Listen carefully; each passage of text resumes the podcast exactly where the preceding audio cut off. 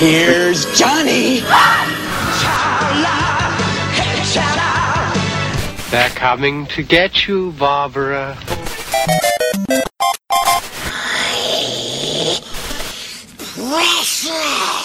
Expecto Patronum! Look at me, Damien. Yippee-ki-yay, motherfucker. eherbata.pl eh, Gonna be legend. Wait for it. It's a trap. Dairy. Legendary. Żarłok i Skóra Mando, Jerry. Szymas.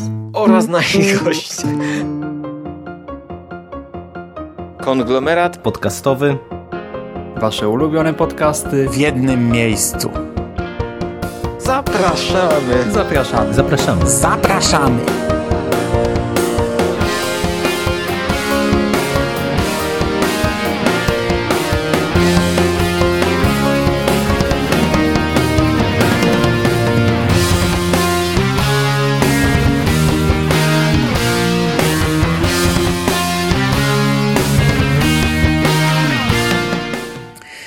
Witamy w konglomeracie podcastowym. Czyli na platformie zbierającej wszystkie wasze ulubione podcasty w jednym miejscu.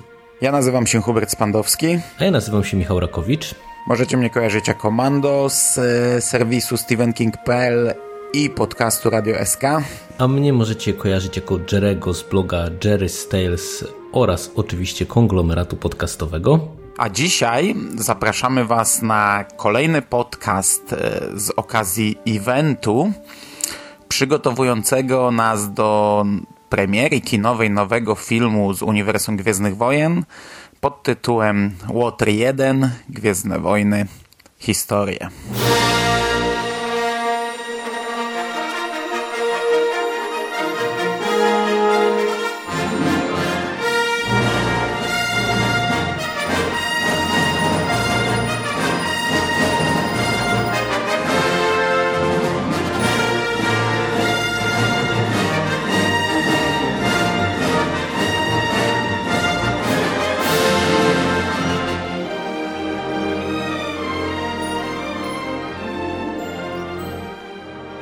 Witamy Was wszystkich bardzo serdecznie w kolejnym podcaście z naszego eventu. E, No już jesteśmy prawie przy finale i prawie na premierze Łotra 1. Dziś zabieramy się za epizod drugi, czyli Atak Klonów. Film, który miał swoją premierę w 2002 roku, y, w maju, tak jak to zwykle Gwiezdne Wojny. Pojawił się zatem y, znów po trzyletniej przerwie w stosunku do swojego poprzednika. It's a great pleasure to see you again, lady. It has been far too long, Master Kenobi. Annie? My goodness, you've grown. So have you. Grown more beautiful, I mean. Just being around her again is intoxicating. Be mindful of your thoughts, Anakin. They betray you. You have made a commitment to the Jedi Order, a commitment not easily broken. Please don't look at me like that. Why not? It makes me feel uncomfortable. Sorry, milady. Must be difficult having sworn your love to the Jedi, not being able to do the things you like. I'll be with the people that I love. Are you allowed to love? Thought that was forbidden for a Jedi.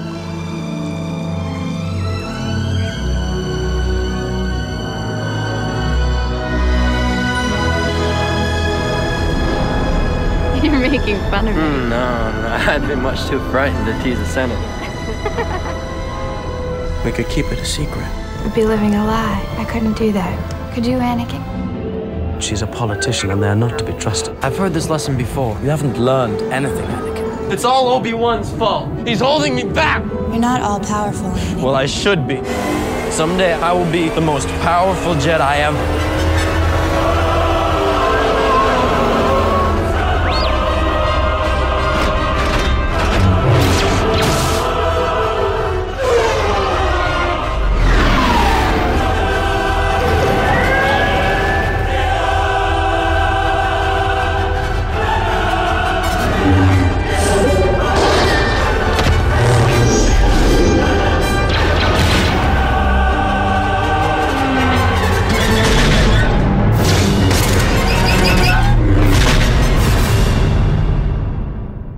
I tutaj zbyt wiele o zmianach jakichś takich technicznych i obsadowych nie będziemy mówić, dlatego że za sterami ponownie mamy w zasadzie w 100% George'a Lucasa.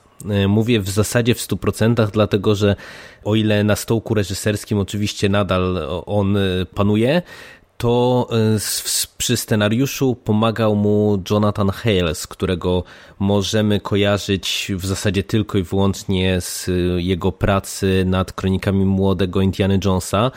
I też no, pytanie, ile jego było udziału. E, no, gdzieś tam się pisze o tym, że Lukas dopuścił go do pracy nad scenariuszem, dlatego że po krytyce, jaka spadła na niego właśnie głównie za scenariusz, jeżeli chodzi o Mroczne Widmo, no to miał bardzo poważne obawy do tego, czy samemu y, decydować się na właśnie taki w pełni autorski scenariusz, czy też do, do kogoś do niego dopuścić. Pod kątem y, technicznym mamy za to tutaj no, swoistą rewolucję, dlatego że mm, wspominaliśmy o tym, że y, już y, Mroczne Widmo było no, takim swoiście rewolucyjnym filmem ze względu na ilość wykorzystanych efektów komputerowych. Natomiast y, Atak Klonów jest jednym z pierwszych filmów y, i w zasadzie po dziś dzień też jednym z niewielu, które w zasadzie zostały nie tylko jakby praktycznie biorąc w 100% zrealizowane w, właśnie z wykorzystaniem grafiki komputerowej i, i dużej ilości CGI, ale także zostało nakręcone w pełni z pomocą kamer cyfrowych. W zasadzie to jest nawet można powiedzieć pierwszy wysokobudżetowy film, który w całości został nakręcony kamerami cyfrowymi, tylko nie pierwszy, który miał premierę, ponieważ e, no, powstawał bardzo długo, więc e, zanim Atak Klonów wszedł do kin, to już przynajmniej dwa filmy weszły, które zostały zrealizowane w tej technice, ale tak naprawdę to jest wszystko e, zasługa George'a Lucasa i jego całego studia, bo oni od lat gdzieś tam dawnych, od lat, od końcówki lat 80., początku 90. już to była jakaś ich wizja na, na przyszłość i tak naprawdę to, że powstały w ogóle kamery cyfrowe, to jest też zasługa Lucasa, który gdzieś tam jakoś przy pomocy Ricka e, McCallana przekonał e, producentów kamer do stworzenia czegoś takiego i, i, no i to pociągnęło przecież, przecież za sobą to, co mamy do dzisiaj, czyli jakieś kina cyfrowe, kina 3D. To, jak dzisiaj wygląda kinematografia, jest zasługą w pewnym sensie no, decyzji wtedy twórców Ataku Klonów a jest to o tyle, powiedzmy, nie wiem, czy zabawne, czy dziwne, czy ciekawe po prostu w porównaniu z dzisiejszymi filmami, że teraz y, nowi twórcy nowych Gwiezdnych Wojen starają się bardzo mocno nawiązywać do przeszłości i wracać do przeszłości. Przecież właśnie y, nowe epizody kręci się na taśmie filmowej. Coś, z czego Lukas chciał zrezygnować właśnie dlatego, że taśmy się psują, taśmy się niszczą i, i tak dalej, i tak dalej. I po czasie na film na taśmie też traci swoją jakość. A teraz się do tego wraca, żeby odtworzyć ten klimat właśnie sprzed lat. Czyli nowe filmy, zamiast y, jakoś tak podążać tym torem Gwiezdnych Wojen, czyli przecierania szlaków dla, dla kinematografii, to właśnie teraz jesteśmy na etapie cofnięcia się. No jeżeli tak o tym mówić, to w zasadzie tak sobie pomyślałem, że jeżeli kino wygląda teraz tak jak wygląda, to można powiedzieć, że to jest w ogóle szersza rewolucja, no bo przecież w tej chwili takie możliwości cyfrowego kręcenia wideo wyszły do ludzi, no bo przecież jednak w tej mhm. chwili to, to w zasadzie już coś takiego jak kamera cyfrowa spowszedniało bardzo mocno. Natomiast jest też jedna rzecz jeszcze ciekawa od strony takiej stricte realizacyjnej. My e, chyba we wczorajszym podcaście o tym nie wspomnieliśmy, wspominaliśmy o tym gdzieś tam mimochodem w jednej z wcześniejszych naszych rozmów, a mianowicie ty wspomniałeś w którymś momencie o tym, że Lucas właśnie przy okazji trylogii prequeli operował bardzo dużą ilością e, grafik koncepcyjnych i takiego szczegółowego mm -hmm. rozpisania na storyboardach, e, jak to wszystko wygląda. Natomiast w przypadku Ataku Klonów e, posunięto się jeszcze o krok dalej. Zrezygnowano, można powiedzieć, właśnie z takich klasycznych storyboardów i bardzo dużo sekwencji i scen tak na dobrą sprawę powstawało jako takie swoiste animacje komputerowe i wizualizacje, tak żeby można było już rozplanować i zobaczyć jak właśnie dana scena, jak dana sekwencja będzie rozgrywana, jak ona będzie wyglądała i to stanowiło właśnie jakby taką podstawę do dalszych prac już speców od efektów specjalnych, kręcenia w, na green screenie i, i dorabiania później już CGI. Także to też jest kolejny taki, można powiedzieć, no jakoś tam rewolucyjny, mhm. rewolucyjny motyw, jeżeli chodzi właśnie o to, co Gwiezdne Wojny wprowadziły, jeżeli chodzi o technikę filmową. Okej, okay. no i to tyle o zaletach. tak, to tyle ciekawostek.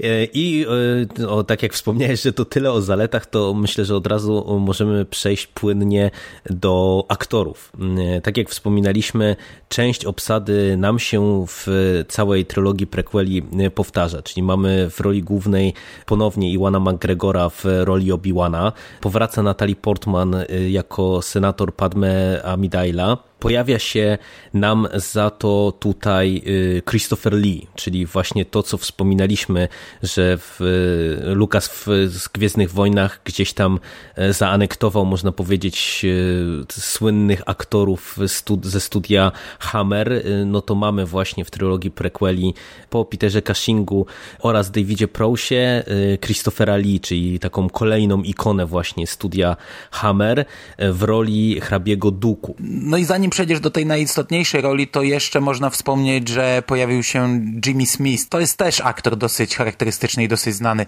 On tutaj wciela się w rolę senatora Bale'a Organy, czyli tego e, przybranego ojca A, tak, tak, tak. Zgadza się. późniejszej Lei późniejszego przybranego ojca. To jest postać dość znana, bo znaczy można go kojarzyć, nie wiem, z, z serialu Dexter, z serialu Synowie Anarchii, z, y, ze Stukostrachów Kinga. Ogólnie no, twarz charakterystyczna, to też taki aktor. Powiedzmy tam y, widać go dużo rzadziej i może nie aż tak charakterystyczny, ale, ale pojawia się od tego epizodu. Natomiast właśnie w tym filmie pojawia się jedna z postaci, jeden z aktorów, który no, bardzo mocno ciąży na odbiorze ogólnym trylogii prequeli, czyli Hayden Christiansen w roli Anakina Skywalkera. Y, no bo umówmy się, że jeżeli aktorstwo w samym Mrocznym Widmie no nie było na jakimś specjalnie wysokim poziomie, no bo oprócz niezłych ról właśnie y, y, McGregora czy Nisona, pozostałe postaci w zasadzie no nie do końca im dorównywały, no to tutaj mamy po prostu przepaść pomiędzy właśnie McGregorem a Christiansenem, który no po prostu rozkłada swoją rolę tak dokumentnie w mojej ocenie i chyba nie tylko w mojej, jak to jest tylko możliwe. No, on ma tak no. tak duże problemy z mm, artykułowaniem dialogów, z wiarygodnością odgrywania emocji. Znaczy to też trochę też wina samych dialogów, nie? No ale, ale o, na pewno nie, tak. nie tylko. Tak jak w Mrocznym Widmie w rolę małego Anakina wcielił się Jack Lloyd i na tego dzieciaka wtedy spadła gigantyczna krytyka, gigantyczna. To jest po prostu w sumie dość smutna historia, bo ten dzieciak po tym filmie w zasadzie się złamał jakoś tam i sama historia aktora jest dość smutna, bo on tam różne takie cięższe perypetie przechodził po tym, e, no to mimo wszystko tamten Anakin był o niebo lepszy od Anakina, którego mamy w Ataku Klonów. No tutaj mi się wydaje, że mój podstawowy problem jest, z nim jest taki, że Anakin Skywalker w trylogii prequeli właśnie od Ataku Klonów e, to jest człowiek y, no, targany emocjami. No i niestety właśnie Christiansen ma ogromne problemy z prezentacją i z jakimś takim wiarygodnym przedstawieniem tych różnego rodzaju sprzecznych emocji. No i niestety właśnie jeszcze to, co wspomniałeś, te dialogi, no, które tutaj, y, no, no chyba też możemy to otwarcie przyznać od razu, że są chyba najgorsze w całej sadze, bo, bo po prostu w ataku klonów jest wiele takich y, y, długich nawet sekwencji, które po prostu są sekwencjami z rodzaju tych, gdzie człowiek jak słucha dialogów, to zęby go bolą. Szczególnie jak y, dojdziemy na przykład do kwestii samego wątku romantycznego, no to, no to tu są naprawdę rzeczy po prostu koszmarnie napisane. No to jest właśnie ta najgorsza część, bo ja na przykład... Yy w kolejnym epizodzie, w trzecim, go dużo bardziej kupuje Christiansena i ogólnie ja trzeci tak, epizod dużo bardziej lubię, ale y, Atak Klonów, no to, to, mówiliśmy o tym we wstępniaku i podtrzymujemy to do teraz, to jest najgorszy film według nas gwiezdnowojenny. Y, na przykład ja dość mocno krytykowałem Mroczne Widmo i nie przepadam za Mrocznym Widmem i nadal nie lubię oglądać Mrocznego Widma, chociaż na przykład dzisiaj po lekcjach grałem z jednym uczniem z trzeciej gimnazjum y, w karciankę gwiezdnowojenną i miałem kartę kartę Qui-Gon Jinna i, i z nim chwilę pogadałem i on mówił, że właśnie Qui-Gon Jinn to jego ulubiona postać, że w ogóle najbardziej lubi Mroczne Widmo, pomimo, że wiesz, jest teraz powiedzmy tam 15-letnim, czyli już tak e, mhm. no, starsza młodzież, nie? Czyli to trafiało oczywiście do, do dzieciaków i to nadal trafia do dzieciaków to Mroczne Widmo. Ja go nie lubię. Atak Klonów kiedyś, kiedyś nawet lubiłem troszeczkę. Kiedyś lubiłem go bardziej niż Mroczne Widmo, bo on ma więcej elementów powiedzmy gwiezdnowojennych jak dla mnie. No bo te klony to trochę jak szturmowcy. E, no to tyle co mam do... No pewnie, pewnie masz na myśli różnego rodzaju te takie smaczki i nawiązania, no bo tutaj Lukas się bawił w więcej takich elementów, które gdzieś tam budzą skojarzenia ze starą trylogią, to tam przejdziemy też do poszczególnych scen, to widać, widać takich elementów trochę. No i też wiesz, tam jakby czegoś się nauczył, no mamy y, Jar Jara tylko w zasadzie w jednej scenie, ta najbardziej koszmarna scena z Mrocznego Widma, czyli ta bitwa tych czołgów z droidami na zielonej planecie, no tutaj coś takiego się nie powtarza, tutaj to wygląda trochę inaczej, chociaż też nie wygląda dobrze, do czego za chwilę przejdziemy, ale myślę, że e, zanim zaczniemy tutaj te swoje tutaj rozkładanie, to o fabule dwa zdania tak, tradycyjnie, tylko ja znów będę miał potężny problem, szczególnie, że tym razem nie przeczytałem sobie streszczenia, e, no ale trudno, jedziemy. Po pierwsze mija 10 lat od Mrocznego Widma, dlatego zmienia się aktor grający Anakina Skywalkera. Film zaczyna się od próby ataku na Padmę Amidale, która przybywa na Korusant. W tym ataku ginie ta kobieta, która zastępowała ją e, w Mrocznym Widmie, jej sobowtór. No i mm, Anakin i Obi-Wan otrzymują e, zlecenie, żeby chronić Amidale. E, później przenosimy się na Korusant, znaczy no właśnie zaczyna się to na Korusant, gdzie mamy kolejną próbę ataku na Padmę i wielki pościg ulicami Korusant. I właśnie wtedy chyba pierwszy raz w filmowych Gwiezdnych Wojnach widzimy e, skalę tego, tej planety miasta, tej stolicy e, galaktyki, wielopoziomowej, wielopłaszczyznowej stolicy galaktyki. I w ten sposób z jednej poszlaki trafiamy na drugą. E, Obi-Wan Kenobi odkrywa istnienie planety Kamino, której nie ma w całej bazie danych mm, w świątyni Jedi. Okazuje się, że ona tam została jakoś e, skasowana. Dowiadujemy się, że rycerz Jedi Saifo Diaz e, zlecił przed wieloma laty właśnie na Kamino produkcję armii klonów e, żołnierzy Republiki. Obi-Wan informuje o tym Jodę. W tym samym czasie Anakin i Padme udają się na Tatooine, gdzie okazuje się, że matka Anakina ma, y, ma problem, została pojmana przez y, ludzi pustyni, przez Tuskenów. Mm, no i tam mamy pierwsze takie objawy przechodzenia Anakina na, na tę ciemną stronę. Natomiast Kenobi e, ściga Django Fetta, ponieważ tutaj pojawia się Django Fett, czyli mężczyzna, który był mm, dawcą, dawcą, nie wiem czy tak się mówi, który posłużył jako wzornik DNA do budowy tej armii klonów i dowiadujemy się też, że właśnie Django poprosił o jednego z tych klonów niezmodyfikowanego, który będzie dorastał w naturalnym tempie, ponieważ klony bardzo szybko się rozwijają, e, dorosłe wiek osiągają w ciągu kilku lat, one mają działać jako mięso armatnie, nie mają e, żyć jak normalni ludzie, tylko mają po prostu ginąć na, na wojnie. Natomiast Django Fett e, chciał mieć syna i takiego syna stworzył sobie w pewnym sensie, no i to jest nasz Boba Fett. E, Boba Fett, który później pojawia się oczywiście w starej trylogii jako łowca nagród, który ściga Hanna Solo. Eee, Kenobi ścigając Django Fetta trafia na planetę Geonosis. Tam okazuje się, że e, za wszystkim gdzieś tam stoi właśnie hrabia Duku, który pojawia się e, bardzo późno, w drugiej połowie filmu. To jest czarny charakter tego filmu, teoretycznie główny, to o czym mówiliśmy e, wczoraj. E, no też niestety z niewykorzystanym potencjałem. Ostatecznie Anakin sprzeciwia się tam tradycyjnie poleceniu mistrza i leci na Geonosis razem z Padme Amidalą, żeby mu pomóc. Tam dochodzi do wielkiej bitwy, bitwy na Geonosis, która była początkiem wojen klonów. Początek właśnie te, tego całego kilkuletniego konfliktu datuje się e, na ten moment właśnie. Bitwa na Geonosis, w której bierze udział mnóstwo Jedi, w której mamy mieczy po prostu od zatrzęsienia kolorów tych mieczach mieczy i to, co tam się dzieje, to, co mówiliśmy właśnie na przykładzie finałowej walki Obi-Wana i Jina i Darta Maula, że jest taka efektowna, no to tutaj mamy to już tak e, skumulowane wszystko i walki na miecze i, i, i, i bitwy różnymi statkami, że to już naprawdę robi wrażenie wizualne gigantyczne. No i na tym to się mniej więcej kończy. Właśnie na, na rozpoczęciu wojen klonów. Tam mamy oczywiście jakieś konkretne pojedynki konkretnych postaci, ale w ogólnym zarysie wygląda to właśnie tak. No i z jednej strony, e, tak jak e, o tym opowiedziałeś, to można dać się nabrać, że to jest spoko.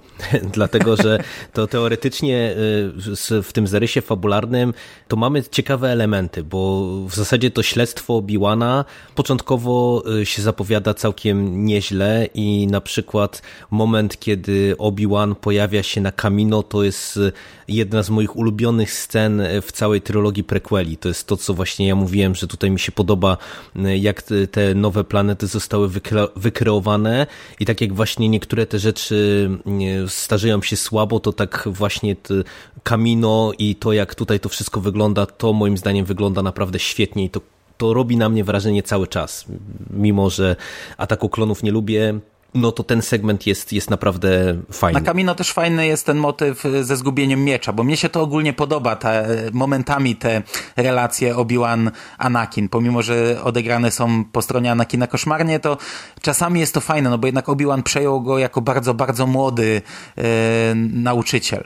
E, I mhm. ich relacje są zupełnie inne niż normalnego mistrza i padawana. Są bardzo takie przyjacielskie i trochę, trochę momentami zbyt luźne. No i czasami to wkurza, jak Anakin ma go kompletnie w dupie i tam sobie robi co chce, ale czasami są nawet okej okay żarty, jak wcześniej on mu prawi tam kazania, że twój miecz, ty musisz go trzymać, bo jak go stracisz, to to twoja broń, a potem sam gubi miecz na kamino, nie? A potem jeszcze na Geonosis Anakin znów se daje rozwalić miecz i, i się wkurza, że Obi-Wan go zabije za to, nie? Tak, tak, tak. E, no i to, tak jak e, właśnie wspominam, to początkowo to się wydaje całkiem niezłe. Przecież same, same wojny klonów, no to z punktu widzenia Gwiezdnych Wojen to jest rzecz e, jakby ciekawa na kilku poziomach, no bo po pierwsze właśnie jakby wracamy do tego, co pojawiło się tak na dobrą sprawę w jednym zdaniu w Nowej Nadziei, no bo można powiedzieć, że całe wojny klonów to, to, to pojawiały się do tej pory w Gwiezdnych Wojnach. Właśnie tylko kiedy tam Obi-Wan wspomina, że walczył z Anakinem właśnie w, w tychże wojnach klonów, e, ale wspominam, że to jest ciekawe na kilku poziomach, no bo przecież też e, ta część Gwiezdnowojennego Uniwersum, czy ten okres w Gwiezdnowojennym Uniwersum później został bardzo mocno rozwinięty w serialu animowanym, którego ja nie znam, a, a ty chyba widziałeś go w całości i też tam już o nim e, wielokrotnie przy różnych okazjach opowiadałeś, więc, więc widać, że tutaj jakby potencjał tej historii był, natomiast no nie niestety jest tutaj wiele elementów, które po prostu nie zadziałały. I wydaje mi się, że tutaj to, to jest nawet trochę inny problem niż był przy Mrocznym Widmie, bo tam narzekaliśmy na to, że tych elementów było tak strasznie dużo i one tak strasznie do siebie nie przystawały. Że mieliśmy segmenty takie bardziej dla dzieci, mieliśmy z kolei sceny, no, które są po prostu dla przeciętnego dzieciaka totalnie niezrozumiałe. Natomiast w przypadku tego filmu Tutaj y, teoretycznie to jest spójniejsze, no bo można powiedzieć, że właśnie mamy tak na dobrą sprawę całą oś filmu w postaci tego śledztwa, które, które gdzieś tam nam pomału odkrywa y, całą tą misternie budowaną intrygę, która ma doprowadzić właśnie do, y, do upadku Republiki i przejęcia władzy przez późniejszego imperatora. Natomiast właśnie wiele elementów tu po prostu nie zadziałało. Wspomniałeś już o tym, że Duku pojawia się bardzo późno i jest niewykorzystany. No i to jest jeden z, z dużych problemów, e, moim zdaniem. Same klony, które teoretycznie to samo ich wprowadzenie jest niezłe, natomiast też mam wrażenie, że zostało to nie do końca wykorzystane, że, że Lukas tak bardzo jakby się y, gdzieś tam skupił na tym, żeby nam pokazać właśnie y, Boba Fetta młodego i, i gdzieś tam ponawiązywać właśnie do tego, co było w starej trylogii, że, że zapomniał, żeby tutaj to jakoś jeszcze podbudować i, i rozwinąć. Te relacje, o których wspominasz właśnie pomiędzy Obi-Wanem a Anakinem Skywalkerem, one właśnie momentami grają, momentami są mocno irytujące, no, bo jednak no ten poziom niekompetencji y, z punktu, jeżeli chodzi o ocenę moją Anakina i taki poziom takiego luzu, no on jest jednak no, dla mnie nieakceptowalny. W sensie, w tym sensie, że wiesz, ja rozumiem, że chociażby z racji ma, relatywnie małej różnicy wieku pewnie pomiędzy y, mistrzem a, a padawanem, no to gdzieś tam te relacje mogą być luźniejsze, no ale no ale to jest tutaj posunięte za daleko. To, mhm. to po prostu jednak Anakin no, się zachowuje no, trochę w sposób nieprzystający jakby do, do, do swojej obecnej funkcji, można powiedzieć. E, no i przede wszystkim e, dużym problemem jest e, to, czego ja się tak bardzo staram uniknąć, czyli ten nieszczęsny wątek romansowy, no bo mamy te relacje z jednej, strony fajnie rozpisane, momentami z jednej strony niedziałające, ale właśnie problem się zaczyna, kiedy Anakin się jakby od, odłącza już od Obi-Wana, udając się z Padme najpierw na Nabu, a później na Tatooine, i ten segment to jest coś, no, czego ja po prostu totalnie nie trafię. To jest katastrofa. To jest totalnie. po prostu po pierwsze źle rozpisane, bo te dialogi są koszmarne. One są po prostu koszmarne. Ja nie wiem, kto wymyślił, znaczy wiem, kto wymyślił, no Lukas, no ale, ale potem w momencie grania tego, no chyba ktoś powinien zwrócić uwagę, że tak się nie mówi, ludzie tak nie mówią. No to, co oni tutaj mówią do siebie w tych scenach e, sam na sam, intymnych, gdzieś tam miłosnych, budujących gdzieś tam ten związek, to jest po prostu katastrofa.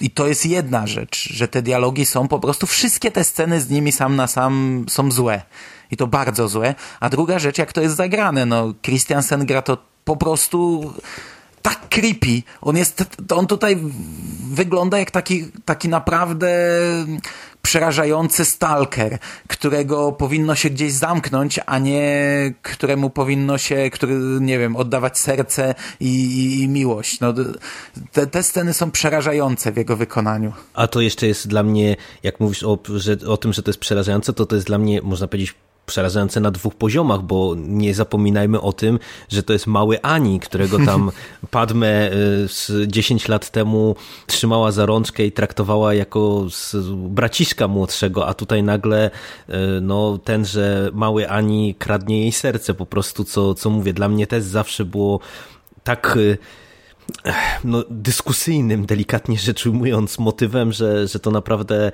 e, no, nie, dziwię się cały czas, że, że Lukas akurat w tym kierunku postanowił rozpisać cały ten związek, bo wydaje mi się, że, że można było to zrobić i trzeba było to zrobić dużo lepiej. No i tu nie tylko dialogi, nie tylko tam rozmowy między nimi, ale nie wiem, no, nawet sceny, scena, gdzie oni są na łące, przecież jest tak, tak gównianą no, sceną po prostu, gdzie tam je, jeżdżą na tych wielkich kleszczach, czy co to tam jest w wielkich żółkach e, w tych tak, kwiatkach. Tak, tak, tak. No przecież to jest po prostu katastrofa. Pamiętam rok temu, jak byłem na premierze Przebudzenia Mocy i była reklama wydań Blu-ray całej trylogii i było także różne migawki i y, głos z ofu mówił, przypomnij sobie swoje ulubione sceny y, z, z filmów z Gwiezdnowojennych i akurat była ta scena, to kino po prostu kulało się ze śmiechu, nie? Jak oni na tych kleszczach no. jadą.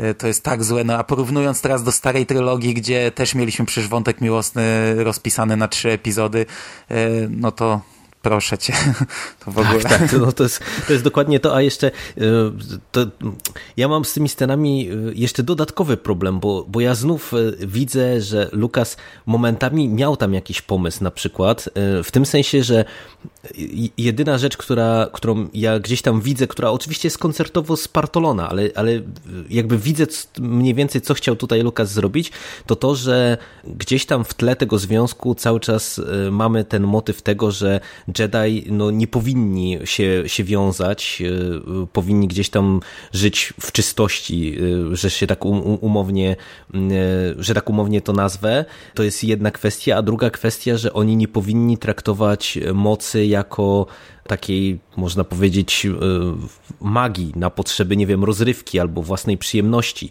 I tutaj e, w paru momentach właśnie to e, Lukas, mam wrażenie, całkiem nieźle próbuje na, nam właśnie powiedzieć, że to też to wygląda teoretycznie, że, że wiesz, że mamy do czynienia z romansem, czyli że to jest takie spoko i tak dalej, ale właśnie przez to, że tutaj e, Anakin, jak mamy na przykład też taką koszmarną scenę z tym jabłkiem, e, no, no, kojarzysz na pewno. No. Jezus, Jezus Maria, to jest koszmar, e, ale, ale wiesz, ale chociażby ten element właśnie, że tutaj znowu Anakin po prostu się bawi mocą tylko i wyłącznie dlatego, żeby zaimponować po prostu Padme, to to w sumie mi to całkiem nieźle buduje właśnie te, te małe szpileczki, które później spowodują, że y, Anakin przejdzie na ciemną stronę mocy. I tak na dobrą sprawę, tak jak y, pastwimy się nad tym romansem, to dla mnie równie złe są sceny na Tatooine. I ja też y, po prostu nie trawię całego tego wątku matki porwanej przez Tuskenów i tej zemsty Anakina dla mnie to jest niewiele, niewiele ustępuje w tym, jak to jest koszmarne po prostu całemu temu romansowi, który na, na Nabu widzieliśmy wcześniej, bo to jest dla mnie po prostu tak grubą kreską pociągnięte, że no, no nie wiem, ja tego po prostu nie, nie, nie kupuję, nie jestem w stanie tego zaakceptować w takim kształcie. Znaczy ja, ja chyba nie mam do tego jakoś aż tak, chyba to nie przypominam sobie, żeby to mi jakoś nigdy nie grało, no ale później scena, gdy Anakin idzie do Padme i opowiada, że zabijał kobiety, że wyryżnął dzieci. E, tak, tak, no właśnie. No to, w no, tym, no to, to, ten dialog jest ko kompletnie absurdalny. No w tym momencie kolejny moment, gdzie powinna się go zamknąć, a nie obdarzać miłością i, i kochać jakoś tam. Nie? No. No i, i tak jak e, tutaj mamy właśnie takie to długie spowolnienie, no bo o tym nie powiedzieliśmy, to, to też jest na przykład dla mnie rzecz szokująca. Ja nie pamiętałem, że ten film jest aż tak długi. To jest 142 minuty mm, w kinie. No to, to jest naprawdę, to nawet jak na współczesne standardy blockbusterów, które no już trochę jednak przyzwyczaiły nas do tego, że, że filmy trwają powyżej dwóch godzin, no to jednak to już jest naprawdę, mm, wydaje mi się, sporo za długo jak na całą tę opowieść. E, I jak mamy to spowolnienie takie i skupienie się na historii Padme i Anakina, no to później jak e, już trafiamy na Geonosis, to ja mam też tutaj wiele problemów e, z całym rozpisaniem tego wszystkiego i tak jak właśnie w zasadzie w, w każdym przypadku z wcześniejszych podcastów chwaliliśmy te bitwy, które się w finałach filmów rozgrywały, tak tutaj ja nie lubię tej bitwy. I ona, mimo że teoretycznie znowu mamy to, co cały czas y, do tego wracamy, czyli że mamy bitwę na gdzieś tam trzech poziomach, bo mamy z jednej strony bitwę na planecie i właśnie to, co wspominałeś, te y, setki Jedi y, walczące z droidami. Z drugiej strony mamy przecież pojedynek najpierw Obi-Wana i Anakina z Duku, a później Jody z Duku, który też przecież jest bardzo mocno krytykowany z tego, co ja kojarzę. No i w sumie to się nie ma co dziwić, bo, bo jednak ten joda skaczący jak piłeczka wokół duku, to, no to, to jest coś, czego nie można odzobaczyć, a to wcale do najprzyjemniejszych doznań, doznań nie należy. E, no i mamy przecież też te bitwy powietrzne i... No tym razem nie w przestrzeni kosmicznej, tylko po prostu desant tak. klonów, e, pierwszy udział w bitwie armii klonów. No i teoretycznie, to mówię, znowu mamy wykorzystanie podobnego motywu, ale tutaj wyjątkowo to nie zagrało po prostu z różnych względów mi się wydaje. No ale no nie zagrało to, przynajmniej ja, ja naprawdę tej bitwy nie lubię. No dla mnie ta bitwa jest mimo wszystko 100 razy lepsza niż bitwa końcowa na Nabu w Mrocznym Widmie, ale też mam tam do niej wiele zastrzeżeń, głównie wizualnych, bo chociaż może w samej bitwie tam jest wiele rzeczy, które wygląda świetnie, ale dla mnie właśnie ogólnie problem tego filmu, jest ich kilka, ale no pomijając dialogi i wątek miłosny, a tak naprawdę to już by wystarczyło na 10 filmów, e, no to, to jak ten film wygląda, to co mówiliśmy, podkreślaliśmy, że on się zestarzał źle, on był robiony w pełni komputerowo i to kurczę cholernie widać w tym momencie. Ja jak sobie rok temu odświeżałem przed przebudzeniem mocy, to przecierałem oczy ze zdziwienia, bo ja naprawdę zapamiętałem ten film dobrze, a on wygląda dla mnie momentami tak jak tak jakby zrobić negatyw z filmu Kto wrobił Królika Rogera, gdzie mieliśmy aktorski film z jedną e, animowaną postacią, a tutaj po prostu widać, że to wszystko rozgrywa się na tle animacji. I to nie, naprawdę to już w niektórych scenach jest tak sztuczne, że to mi wyglądało tak jakby, wiesz, wstawić aktora właśnie do serialu Wojny Klonów animowanego, nie? Bo to momentami tak wygląda ten film. No tak, tak, tak. Tak, tak źle. Tak. No i, i kurczę, i właśnie pomimo, że tak jak mówiłem, no mamy klony, czyli wizualnie nawiązane nawiązanie do starej trylogii, coś, co powinno tam jakoś ucieszyć starych fanów, no to te klony są też zrobione w większości komputerowo. Bardzo często to nie są cały czas ludzie biegający w zbroi. Znaczy, nie pamiętam, czy we wszystkich scenach te zbroje są komputerowe, ale na pewno w tej końcowej, gdzie oddziały klonów wchodzą do, do różnych statków i odlatują i Joda mówi, że rozpoczęły się wojny klonów, to to jest całkowicie komputerowo zrobiona scena. Nie pamiętam, jak to tam na Geonosis było, no ale wygląda to źle. No a druga rzecz jeszcze, co w tym filmie mnie wkurza, to może nie ma tutaj takiego bełkotu, jak w Mrocznym Widmie, czyli aż tylu chyba niezrozumiałych e, określeń, ale w tym filmie cały czas gadają. Oni gadają, gadają i gadają i po prostu ludzie tutaj chodzą i gadają, siedzą i gadają. Ten film pod tym kątem jest bardzo wolny. Na przykład porównując do Przebudzenia Mocy, w Przebudzeniu Mocy ciągle biegają, ciągle jest akcja. A stare epizody to tutaj po prostu cały czas ludzie gadają. No 142 minuty, a przez większość filmu oni po prostu stoją, chodzą i gadają. No zgadza się, zgadza się. No ale to jest kwestia właśnie te, tego tempa, o którym ja, ja też e, wspominałem, że no pod tym kątem to jest po prostu źle rozpisane, bo e, chciałem cię zapytać, jak, jak ty w ogóle właśnie kupujesz całą tę główną intrygę, czyli te knowania duku i e, późniejszego imperatora właśnie, e, żeby obalić republikę. Czy w ogóle ta cała intryga jest dla ciebie ok, czy, czy ma z nią też jakieś po tam pierwsze, problemy? choćbym sto razy przeczytał o co w niej chodzi, to i tak po 30 minutach e, nie będę pamiętał połowy tego jego planu, bo na przykład z Mrocznego Widma to ja kompletnie nie ogarniam tej blokady. Znaczy wiem, do czego to miało dążyć, o co tam chodziło, ale jest to dla mnie e, zbyt skomplikowany plan. Po drugie, niestety mówiłeś, że nowa nowa trylogia, trylogia prequeli pokazuje Jedi w złym świetle, tak też niestety wielokrotnie pokazuje ich jako skończonych debili, których można by, nie wiem, wielki neon przed czołem postawić yy, tak, na tak. którym byłaby opisana cała sytuacja, a oni tak by nie, nie zajarzyli o co chodzi, nie? No bo tak jak e, ogólnie gdzieś tam ja ten plan e, akceptuję, to ja zawsze się gubię na, na etapie tego, dlaczego w zasadzie i kto y, zaakceptował ten plan właśnie o stworzeniu klonów, no bo no bo kurczę, nie wiem, do tej pory nawet jak właśnie czytałem i sobie odświeżałem e, streszczenie fabuły przed nagraniem, to nadal jakby nie do końca rozumiem w zasadzie e, po co Jedi jakby stworzyli tą tajną, właśnie super tajną armię, o której w zasadzie zapomnieli, no bo, no bo przecież na to też wyszło praktycznie znaczy nie, no to jeden Jedi stworzył, filmie. Nie bardzo pamiętam jak to było opisane, dlaczego on to na, na, na zlecenie Duku jakoś stworzył, no Duku też był kiedyś rycerzem Jedi, którego mistrzem był Yoda, między innymi zresztą, znaczy nie między innymi, a po prostu mistrzem był Yoda. E, natomiast plan y, Palpatina no, polegał na tym, żeby po prostu wpędzić galaktykę w wieloletni konflikt, konflikt i po wojenny. prostu ją e, wyniszczyć, a potem winę zwalić na to na Jedi, no bo Jedi zaangażowali się jako rycerze w ten konflikt, nie jako przedstawiciele, wiesz, jakoś pokojowych rozwiązań, tylko jako generałowie armii, nie? Więc dosyć łatwo było to potem tak pokierować, żeby to sprawiało wrażenie, jakoby to Jedi za tym wszystkim jakoś tam stali odpowiadali. Zresztą oni sami mu to bardzo mocno ułatwiali. No, zgadza się.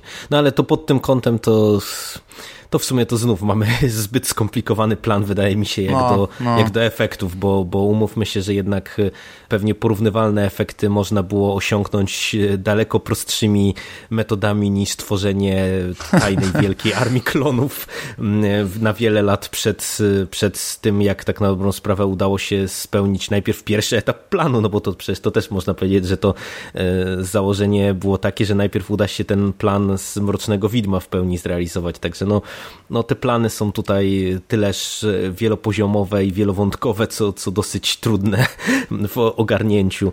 Jakbym miał jakiś plus wskazać tego filmu, to ja ogólnie w ogóle plus całej trylogii prequeli to dla mnie Obi-Wan jest jednak e, plusem. Ja strasznie lubię Oj, tak, to, co tak. zrobił w tych filmach Iwan McGregor i tak naprawdę z filmu na film coraz bardziej yy, mi się podobała ta postać. To jest taki właśnie Jedi, jak, jakim powinien być Jedi. To, że on ma problem z Anakinem, no to, to już o tym mówiliśmy. No, jest to spowodowane yy, wieloma różnymi czynnikami, ale sama postać jest świetna. Na przykład z Mrocznego Widma ja o tym nie mówiłem wczoraj.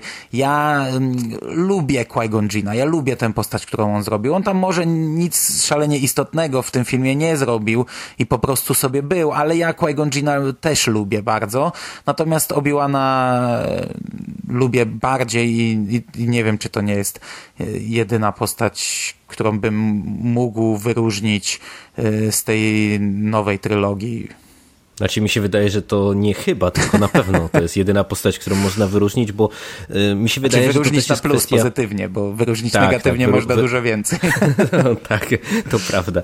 Ale mi się wydaje, że to jest kwestia dwojaka też, bo, bo po pierwsze on się wyróżnia tak pozytywnie, dlatego że sam McGregor stworzył fajną postać i, i nieźle tutaj wykreował Obi-Wana, a druga kwestia, że na tle właśnie wszystkich innych Jedi, no to sam Obi-Wan też jest najlepiej rozpisany, no bo przecież y, według mnie to jednym z na przykład takich dużych problemów całej trylogii prequeli to jest na przykład kompletne zaprzepaszczenie Jody moim zdaniem, czy zmarnowanie Jody jako postaci, no bo no, no ja nie wiem, ja z, mam duży problem w ogóle z tym, jak ta postać jest prowadzona w, w tych filmach i po prostu no to, to, to się nie sprawdza. On, on tu powinien być teoretycznie takim mędrcem, który gdzieś tam to wszystko będzie ogarniał, a właśnie no to, co wspomniałeś, że tutaj Jedi bardzo często są y, jako takie pijane dzieci we mgle, które nie są w stanie się połapać w ruchach przeciwnika i sami wchodzą mu w łapy, no to właśnie to w wielu momentach też to wychodzi i to się po prostu dla mnie nie sprawdza i jak się weźmie właśnie, porówna Obi-Wana y, chociażby też na tle, nie wiem, Windu, y, Jody i całej Rady Jedi, to on, to co wspominasz, raz, że się zachowuje jak Jedi, a dwa, że też widać, że coś próbuje jakby tutaj zrobić, zmienić i, i gdzieś tam jednak te działania jego są w miarę możliwości na tyle, na ile scenariusz pozwala, umotywowane, jakoś tam konsekwentne, no i ta postać jest chyba najlepiej rozpisana też na te trzy filmy, nie? No bo ona się rozwija, nie? Jest od najmłodszego, jest od, od taki Windu, no to jest ciągle taki sam po prostu, nie? A tutaj mamy właśnie młodego padawana w Mrocznym Widmie, potem jakoś tam raczkującego mistrza, a potem już takiego w pełni dojrzałego mistrza Jedi. I tutaj widzimy faktycznie fajny rozwój postaci, yy, wizualnie nawet jakoś tam kierujący do, do tego, żeby go upodobnić trochę do yy, Aleka Guinnessa. No i właśnie w przypadku Obi-Wana widzimy ten rozwój postaci. W przypadku Anakina Skywalkera z tym jest dużo, dużo większy problem, gdzie tak naprawdę trylogia prequeli jest historią przecież jednak Anakina Skywalkera. Co do Anakina, to mi się wydaje, że tu jednak w dużej mierze to jest kwestia też stricte aktorska, bo jak ja widzę historię na papierze i widzę to, co Lukas chciał rozpisać, czyli takiego miotającego się Anakina, miotającego, wiesz, pomiędzy y, miłością do Padme, a, a, obowiązkami rycerza Jedi, pomiędzy tym, że tutaj matka, a tu właśnie obowiązki i tak dalej, i tak dalej, to teoretycznie to by mogło zagrać i to by też mogło być ciekawie poprowadzone i wiesz, i, i te konflikty właśnie pomiędzy Anakinem a Obi-Wanem, to by mogło wyjść y, na plus temu filmowi, no ale niestety właśnie właśnie przez to, jak to wypada aktorsko, no to, to po prostu się kompletnie rozmywa i te, tego rozwoju postaci po prostu jakby specjalnie nie widać, nie? Bo, bo tak jak tutaj się Anakin miota od prawa do lewa, no to, to przecież w finale trylogii, no to już jest w ogóle posunięte do skrajności, mi się wydaje, ale to już jutro o tym porozmawiamy. No ale o tym mówiłem też trochę wczoraj, że te historie ogólnie nie są złe, że sam pomysł wielokrotnie był ciekawy i był dobry i jak ja czytam jakieś książki około gdzieś tam e, rozgrywające się w tym okresie, albo nawet przedstawiające te wydarzenia, bo na przykład jedną z najlepszych książek starego kanonu jest Dart Plagius. Ona jest bardzo ciężką książką, bardzo trudną do przeczytania, ale ona przedstawia wydarzenia między innymi z Mrocznego Widma, widziane gdzieś tam trochę inaczej inaczej.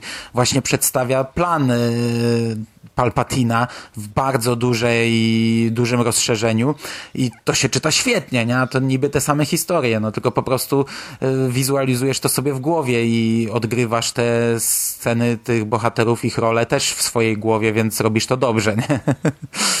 A y, tak w zasadzie na koniec, bo, bo znowu miał być krótki podcast, a się rozgadaliśmy o, o różnego rodzaju szczegółach, y, to chciałem cię zapytać o, no właśnie o to rozwinięcie y, w postaci serialu animowanego, no bo tak jak mówiłeś przy streszczeniu fabuły, atak klonów kończy się rozpoczęciem wojen klonów. No i, i później mamy rozbudowę, czy mamy właśnie łącznik pomiędzy tym, co widzimy w ataku klonów, a domknięciem jakby całej tej trylogii serii prequeli y, w postaci serialu animowanego. No i, i czy, czy ten serial animowany właśnie pasuje ci jako łącznik pomiędzy filmami? Czy on właśnie jakoś rozwija całą tę koncepcję wojen klonów, czy cały ten pomysł fabularny wojen klonów, y, czy, czy to jest warte obejrzenia. To znaczy, tak to jest w ogóle ciekawy motyw, bo Lukas zrobił coś w sumie fajnego, bo pierwsza bitwa wojen klonów e, ma miejsce w ostatniej scenie ataku klonów, a ostatnia bitwa ma miejsce w pierwszej scenie zemsty Sithów, czyli te wojny klonów, ten wielki konflikt, o którym już słyszeliśmy 40 lat temu w Nowej Nadziei, tak naprawdę nie został pokazany w filmach jego początek i jego koniec został pokazany, a cała reszta została udostępniona na właśnie rozszerzane uniwersum. I ono było rozszerzane, kurczę, na tyle sposobów, wiesz, bo to najpierw wychodziła ta seria komiksowa Republic. Ona była świetna, ona wychodziła właśnie w trakcie ukazywania się, w tym okresie ukazywania się prequeli w kinach i to były świetne komiksy. Ja ich niestety cały czas nie przeczytałem w całości, bo Egmont w starym Star Wars Comics wydawał je bardzo niechronologicznie, tak celowo to robili i, i mi się to trochę zaczęło mieszać, a uznałem, że to jest zbyt świetna historia, żebym ja to tak czytał i stwierdziłem, że poczekam aż wydadzą wszystko i sobie to przeczytam chronologicznie, no i tego niestety nie zrobiłem. Ta seria potem ewoluowała ewoluowała w Mroczne Czasy, też bardzo dobra seria komiksowa y, i, i to na tyle, na ile się orientuję, było kapitalnym rozwinięciem tego. Później powstał serial Tartakowskiego, animowany, też mniej więcej w tym okresie on wychodził, w, w latach 2003-2005. To miało chyba trzy sezony, tylko to były takie krótkie epizody klasyczną animacją zrobione. One też były niezłe, tylko to się, to szybko zostało chyba wyrzucone z kanonu ponieważ właśnie za dużo tych rzeczy powstawało, bo to też powstawały serie książkowe. Na początku książki wychodziły w trakcie filmów, potem książki wychodziły w trakcie serialu Wojen Klonów, potem ostatecznie skasowano książki, zostawiono serial I, i to wiesz, naprawdę tych historii było tyle, że tam było tyle błędów i tyle wykluczeń, a sam serial Wojny Klonów ogólnie był na początku bardzo hejcony, ten ostateczny serial, bo on też, wiesz, mm -hmm. wprowadzał postać Asoki, która się kłóciła trochę z filmami, bo to uczennica, Anakina, której później nie ma w trzecim epizodzie, a jak teraz wiemy w Rebelsach ona w ogóle występuje, żyje jeszcze przed samą Nową Nadzieją, znaczy w tej chwili nie wiemy, czy żyje, czy nie, ale ona się bardzo fajnie rozwijała i tak jak ten serial zaczął się tak sobie, naprawdę, pierwszy sezon może odrzucać, szczególnie e, jak ja się teraz cofnąłem do tego pierwszego sezonu, to jeszcze widzę, jaka wizualnie przepaść jest między pierwszym a ostatnim, czy tam nawet między pierwszym a trzecim. Tak, ten serial się według mnie nieźle rozwijał i on jest dobrym serialem, tylko że to są to jest długi serial. On miał po 20 parę odcinków na sezon, więc wiesz, siłą rzeczy tego typu seriale mają mnóstwo zapychaczy, więc bywało, że on miał koszmarnie złe odcinki, a bywało, że miał odcinki świetne, ale jako całość według mnie on fajnie zapycha ten okres. No to chyba e, dzięki Ci bardzo w tym układzie za, za to domknięcie, bo właśnie to mnie też e, interesowało, a zawsze Cię zapomniałem zapytać, bo tu mówię o serialu, już wspominasz e, w różnych podcastach wcześniejszych, czy to książkowych, czy komiksowych, ale właśnie nigdy nie, nie, nie pamiętałem, na ile on się sprawdza właśnie jako taki łącznik pomiędzy tymi filmami. Znaczy ogólnie on się, problem jest z tym taki, że wiesz, w pewnym momencie sprzedano prawa i on teoretycznie się nie zakończył, nie? On ma fajne mhm. zakończenie takie jako znaczy ma fajne zakończenie telewizyjne jako e, zamknięcie wątków niektórych postaci, ale on nie doprowadza nas do zemsty Sithów. A później okazało się, że to nie jest zakończenie, bo jeszcze jest, było tam 10 epizodów, które poszły w Netflixie jako szósty sezon, ale one też nam nie kończą tego. Nie? No niestety, to nie jest pełen łącznik, ale ten serial naprawdę w pewnym momencie robi się bardzo mroczny. Jeśli ktoś kupuje, wiesz, takie rzeczy jak ożywienie Darta Maula, plus jeszcze kilka tam innych e, rozwiązań, które mogą razić, jeśli jeśli ktoś kupuje to, że na przykład ten serial kasował wiele rozwiązań z ówcześnie kanonicznych książek, a wielu ludzi tego nie kupowało, to według mnie to jest dobre. Naprawdę, w pewnym momencie on się zrobił mroczny, tam trup się ścielił gęsto i tak jak na początku się mówiło, że to jest taki złagodzony dla dzieci, tak szybko on sprowadził na, na odpowiednie tory. Natomiast sama ta klonów podsumowując już, bo kurde, powiedziałem, że zamkniemy się w 30 minutach, że jak znów będziemy godzinę gadać, to ja więcej nie nagrywam. podsumowując, no taka dziwna sytuacja w sumie, no bo wiele, widać, że Lukas się na wielu rzeczach nauczył po Mrocznym Widmie i, i wiele rzeczy, które tam były krytykowane tutaj e, zniknęły albo poszły na taki bardzo daleki plan, ale z drugiej strony, no niestety nie wyszło mu to, no nie wyszło mu to. No, pomimo tego, że i nawet fabularnie to się wydaje bardziej spójne i bardziej jakoś takie ułożone, to ten film po prostu nie wyszedł. Realizatorsko możliwe, że wtedy olśniewał, i możliwe, że jesteśmy trochę niesprawiedliwi, że y, teraz, no ale kurczę, no minęło ile? 14 lat, no to nie jest dużo na zestarzenie się filmu, nie? No. no. mi się wydaje, że to po prostu trochę pewnie jest pokłosie tego, że jednak e, no wiesz, to jest jeden z pierwszych, tak jak wspominaliśmy, więc no to, to zawsze niestety e, płaci się frycowe, czy, czy zawsze, no bardzo często tego rodzaju produkcje, które gdzieś tam są innowacyjne od strony technologicznej, no one się będą starzały szybciej niż te filmy, które przychodzą po nich, no bo jednak wiesz, no realizatorsko też wszyscy się tego uczą, no jednak e, zastosowanie kamer cyfrowych i połączenie połączenie tego z CGI, no to, to było nowatorskie i myślę, że po prostu to, to nawet kwestia tego, że nikt nie miał doświadczenia, jak to zrobić dobrze, jak to zrobić tak, żeby to mm, faktycznie wyglądało y, fajnie, no to, to później skutkuje tym, że z jednej strony właśnie no są y, sceny i elementy, które y, robią wrażenie nadal jakim, jakoś tam swoim rozmachem i pomysłem na, jakąś te, na jakieś tam sekwencje, no ale, ale tak stricte od strony technicznej, no to niestety no, nie, nie starzeje się ten, ten, film najlepiej. No ale no to jest też to, to, co już wspominaliśmy w tych podcastach wielokrotnie, że, że to jest taki paradoks właśnie, że ta trylogia prequeli, mimo że ona e, w momencie, kiedy powstawała przecież nie tak dawnym, była rewolucją jakąś tam technologiczną, no to niestety czas się z nią łagodnie nie obchodzi. Natomiast co do samej oceny też, to no ja się zgadzam. No tak jak ja wspomniałem na początku, jak, jakby streścić tylko fabułę, to jest y, jak najbardziej. Okay. Wydaje się, że to jest spójna opowieść prowadzona właśnie bez zbędnych upiększeń, no ale niestety jest wiele elementów takich, które ten film kładą i mi się wydaje, że po prostu to jest kwestia tego, że, że znów Lucas po prostu nie umiał wyciąć pewnych wątków, bo, bo ja naprawdę, ja to powtarzam wielokrotnie przy różnego rodzaju rozmowach y, odnośnie trylogii prequeli, że ja naprawdę widzę duży potencjał w tych, w tych historiach, bo, bo naprawdę ja na papierze widzę, co chciał Lukas nam tutaj pokazać. Widzę, jak chciał nam zaprezentować miotającego się Anakina, jak nam chciał pokazać relacje z Obi-Wanem, jak chciał nam e, zaprezentować właśnie, jak sam Obi-Wan się zmienia, jak chciał nam pokazać e, republikę rozdzieraną gdzieś tam wewnętrznymi konfliktami i to, że na przykład Jedi nie, nie są w stanie nad tym wszystkim zapanować, mimo że powinni teoretycznie i tak dalej, i tak dalej. No tu naprawdę na papierze jest wiele rzeczy, które y, są fajne, no ale niestety po prostu nie umiał Lukas powiedzieć w którymś momencie stop, powiedzieć, że ok, to trzeba wyciąć, to trzeba zmienić, to trzeba zrobić subtelniej, no i, i mamy właśnie to, co mamy w postaci atak ataku klonów.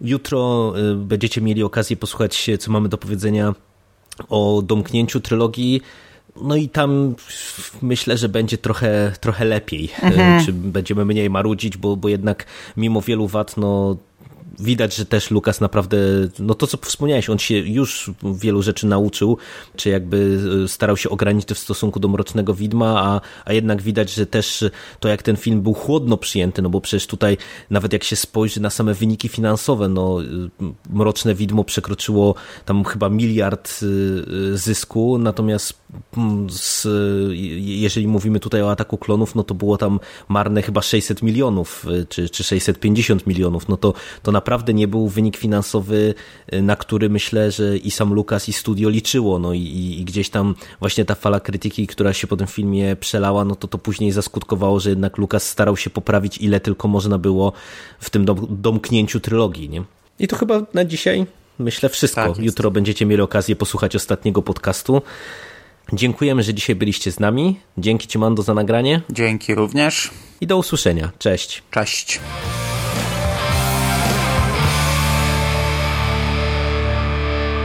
finished? That's it, man. Game over, man. It's game over. What the fuck are we gonna do now? What are we gonna do? It's over. Nothing is over. Nothing. You just don't turn it off.